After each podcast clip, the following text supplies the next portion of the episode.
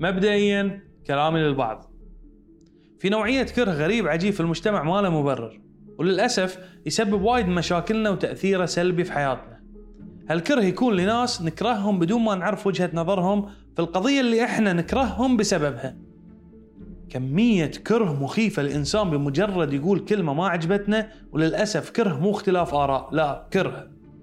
يعني توصل لمجرد أن يقولون اسم هالشخص نحس بالحقد اتجاهه. إحنا نكره شخص لأنه طلع على السوشيال ميديا واختلف ويانا على رأي سياسي. أنا من الناس اللي كنت أكره سعدون جابر.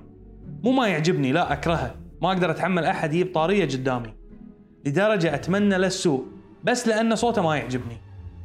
بس يوم شفت له اللقاءات وشفت لأي درجة هو مثقف بديت ألوم نفسي. أنا ليش هالكره اللي فيني اتجاه شخص بس لأن صوته مو عاجبني؟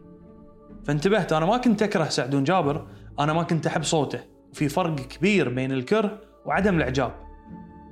وصلنا لدرجة إن حتى في الأكل لما ما تعجبني أكلة معينة أقول أنا أكره هالاكله مع العلم إنه ما في شيء شخصي بيني وبين هالأكلة. ولا في موقف صار بيننا ويمكن أساسا جربتها مرة واحدة وفي مكان غلط. ولو أجربها مرة ثانية راح تعجبني. أو شخص ينزل فيديوهات تضحك المفروض بس أنا ما تعجبني وأعتبرها سخيفة. هاي حقي.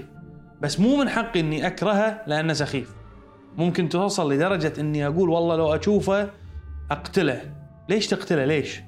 ما يعجبك؟ لا تطالعه. ليش تكرهه؟ أنا أتكلم في هالموضوع وأنا كنت من هالنوع وانتبهت لهالعادة الوسخة وعرفت إنها وسخة وابتديت أبطل منها. اليوم عندي وايد من أصدقائي المقربين ما أتفق مع أفكارهم بس ما اكرههم لكن أكره اللي يضر العالم. أكره الطائفية أكره العنصرية أكره الظلم أكره القتل أكره العنف أكره التحرش. بس ما أكره شيء ما يعجبني ولا يضرني.